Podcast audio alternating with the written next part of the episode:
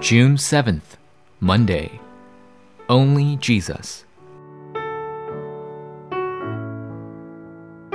Acts chapter 1, verse 1. In my former book, Theophilus, I wrote about all that Jesus began to do and to teach.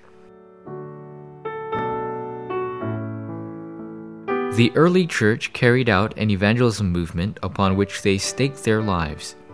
They discovered the reason to stake their life in Christ alone and were able to yield everything that did not amount to much to them.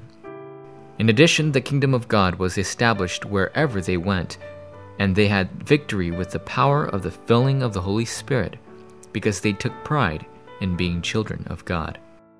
It was at this time that the time schedule of God came and the power of darkness began to be bound in every field.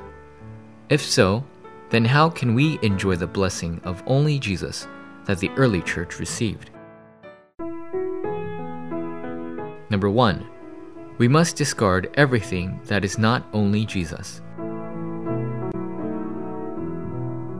Works will begin to take place if we discard anything in our lives that is not only Jesus. First, pastors and ministers must carry with them the true gospel and stand as God's servants that help all people and run God's errands. And church lay leaders must be able to understand and serve all people and receive the guidance of the Holy Spirit.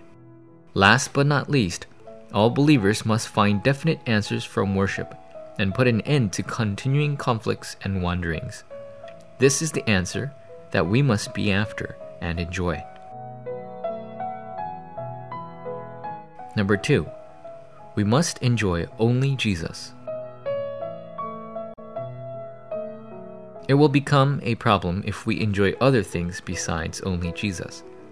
Starting today, if we begin to enjoy only Jesus, the field where we are right now will change and the power of darkness will be broken down. And just like the early church, if people who enjoy only Jesus begin to gather, the forces of darkness will crumble. If we take all our problems as opportunities for martyrdom, then nothing will pose as a problem, and it will all turn into the platform for receiving blessings.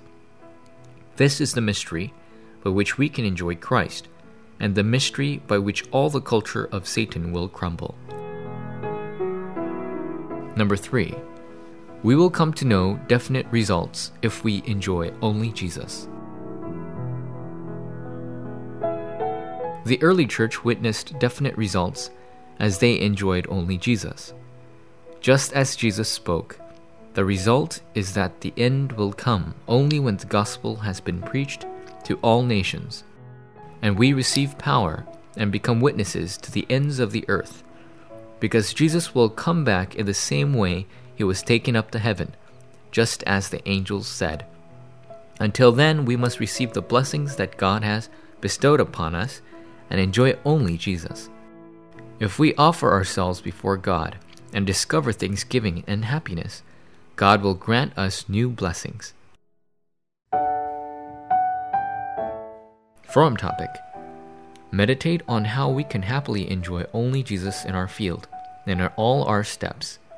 Meditate as well on whether there are any obstacles that hinder us from enjoying only Jesus and start praying in the name of Jesus Christ.